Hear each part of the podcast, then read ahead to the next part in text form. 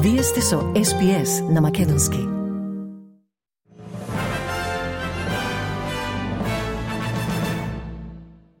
Во денешниот билтен, Македонскиот парламент го почна процесот на менување на Македонскиот устав. Двајца пилоти загинаа во авионска несреќа, гаснејќи ги шумските пожари во Грција. Во тек се спасувачки операции и за 87 китови заглавени во близина на брегот на Западна Австралија. И во спорт, Сарина Болден ќе остане запишана во историјата како прв стрелец на Филипините на светско првенство за мажи или жени со победничко прво полувреме. Следуваат вести на СПС за 26 јули со Маргарита Василева. Василева.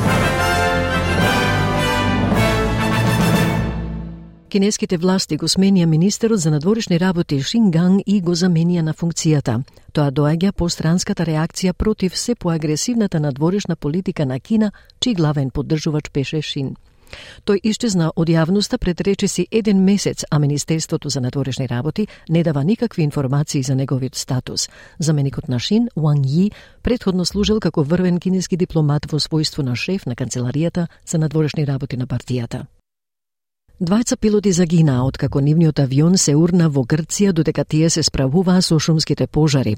Представниците на воздухопловните сили потврдија дека 34 годишниот капетан и 27 годишниот копилот загинаа кога авионот се урна на островот Евија, источно од Атина.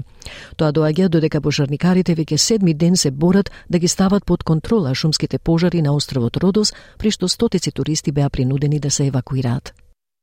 Турските власти испратија противпожарни авиони во јужниот крајбрежен град Кемер во вторникот, додека шумските пожари продолжија да се шират во регионот. Видеото објавено од регионалната дирекција за шумарство во Анталија и Министерството покажа дека воздушните единици испуштаат вода врз запалените дрвја, додека чад се надви над областа. Турскиот министер за земјоделство и шумарство на социјалните мрежи напиша дека 11 противпожарни авиони и 22 хеликоптери биле ангажирани. Болничарите во Нов Јужен Велс ја обновуваат индустриската акција во знак на протест против понудата за плати од 4 100 од државната влада. Службениците за итни случаи одбиваат да внесуваат информации за наплата на пациенти, да пријават индикатори за перформанси или да присуствуваат на специјални настани што би ја ставиле нивната домашна станица под минималното ниво на персонал. Австралиското здружение на болничари вели дека акцијата ќе се засили следната недела, кога тие ќе одбијат да одговорат на барањата за трансфер на пациенти кои не се итни случаи, што би можеле да ги преземат службениците за транспорт на пациенти или приватните даватели на услуги. Синдикатот вели дека презема мерки бидејќи не е доволно направено за да се поправи итната состојба во здравствениот систем, што беше изнесена пред јавноста во двете неодамнешни истраги на владата на Нов Јужен Велс. Преминистерот Антони Албанезе ќе отпатува за Нов Зеланд денеска на рунда дипломатски разговори. Тој ќе се сретне со неговиот колега Крис Хипкинс. Ова е прва официјална посета на господинот Албанезе на Нов Зеланд како преминистер и прва транстасманска средба на господинот Хипкинс. Нивните дискусии се очекува да ја опфатат одбраната, подемот на Кина и безбедносните закани со кои се соочуваат Тајван и Северна Кореја. Тие исто така ќе разговараат за трговските врски, можностите за чиста енергија и предстојниот форум на Пацифичките острови. Уставните измени добија зелено светло од матичната собраниска комисија. Со двата усвоени заклучока, парламентот го почна процесот на менување на македонскиот устав. Со измените предвидено е додавање на бугарскиот, хрватскиот, црногорскиот, словенечкиот и египтјанскиот народ во преамбулата и членовите 49 и 78 од Уставот. Сите пратеници дојдоа, сите членови на Комисијата за уставни прашања гласа, но само 10 од вкупно 17 члена го поддржаа предлогот за менување на Уставот. Ова мнозинство во Комисијата ќе бара двотретинска поддршка на пленарната седница на 18 август. Првото собраниско соочување околу предлогот за менување на Уставот можеше да трае најмногу 10 дена, но заврши за 2 часа и 20 на минути. Согласно договорот од координативната средба, дебата немаше, а говореа само премиерот како предлагач и сетум представници на најголемите партии. Доколку на пленарната биде обезбедено двотретинско мнозинство, владата ќе треба да го изготви текстот на нацрт амандманите во рок од 15 дена. Доколку не, постапката ќе треба да прекине. Премиерот Димитар Ковачевски, како предлагач, вели дека уставните измени не се под никаков диктат и уцени, туку се во согласност на стратешката цел на државата, односно членството во Европската Унија. Тој ги повика пратениците да донесат мудри државнички одлуки и да го поддржат процесот на уставни измени. Пообширни детали на оваа и други теми од Македонија ќе има во редовниот извештај по вестите. 13-тиот пораст на стапката на готовина следниот месец би можел да остане во неизвестна состојба при што индексот на потрошувачките цени на јунскиот квартал CPI се очекува да биде објавен денеска. Големите банкарски економисти се согласуваат дека резултатите од индексот на потрошувачките цени за јунскиот квартал ќе паднат.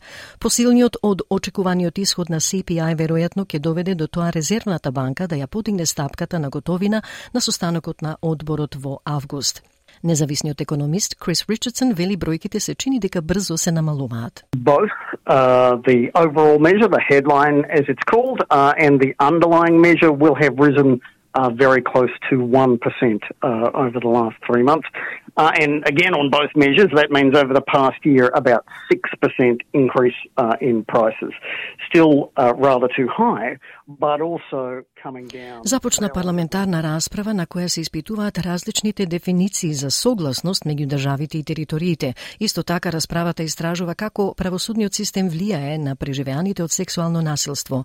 Законите за согласност во Нов Южен Велс, Квинсленд, Викторија, Тасманија и ACT усвоја афирмативен модел, што значи дека тишината не може да се толкува како согласност, додека Западна Австралија, Јужна Австралија и Северната територија не го усвоја.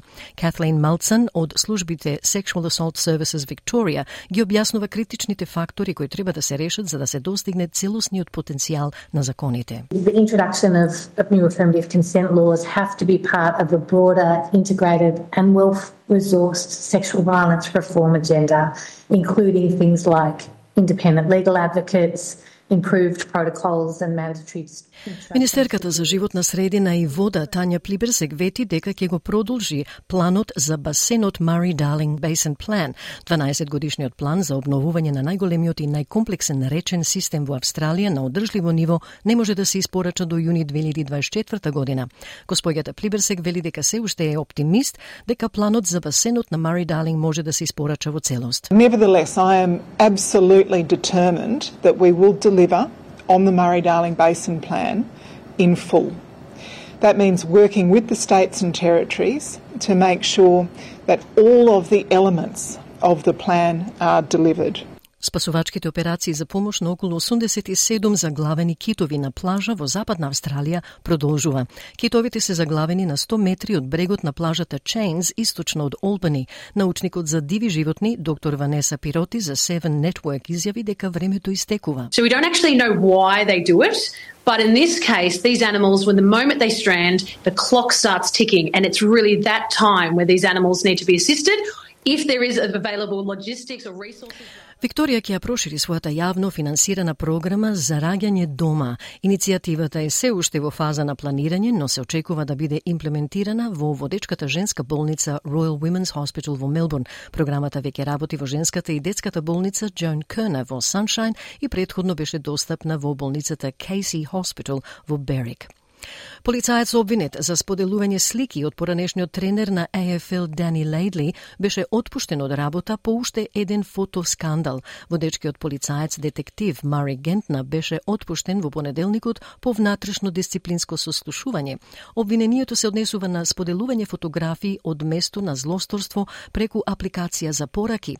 Тројца други службеници исто така се обвинети за срамно или несоодветно однесување и потоцна ќе се појават пред дисциплинско рочиште. Двете големи австралиски супермаркети беа повикани да избегнуваат краткорочни решенија по колапсот на националната програма за рециклирање на мека пластика Red Cycle.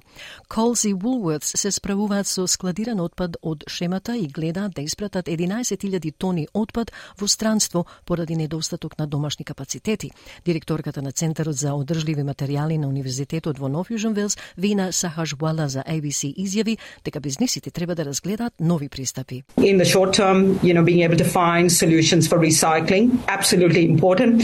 The last thing we want is for these things to end up in landfill or catch mm. fire. But I think we also have to recognize that we do need to be able to think about И во спортот, соништата на Нов Зеланд за светскиот куп за жени се вознемирени со историската прва победа на Филипините на турнирот, чиј тренер беше поранешниот шеф на Матилдас, Ален Стајчич. По еуфоријата на воведната ноќ со победата над Норвешка, футбол Фернс претрпеа пораз од 1 спрема 0 вчера во Велингтон. Сарина Болден ќе остане запишана во историјата како прв стрелец на Филипините на светско првенство за мажи или за жени со победничко прво полувреме.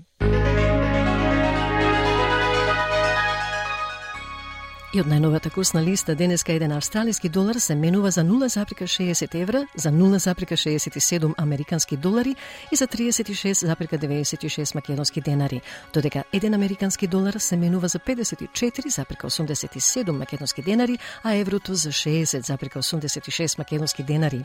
И времето за утре за Перт слаби врнежи од дожд до 17, Аделајд врнежливо 18, за Мелбурн делумно облачно 16, исто и за Хобарт, а Камбера утринска слана и претежно сончево 16.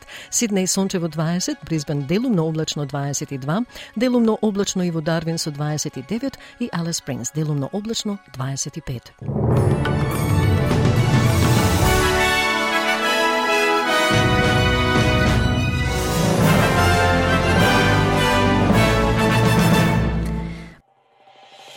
Сакате ли да чуете повеќе прилози како овој? Слушате подкаст преку Apple Podcasts, Google Podcasts, Spotify или од каде и да ги добивате вашите подкасти.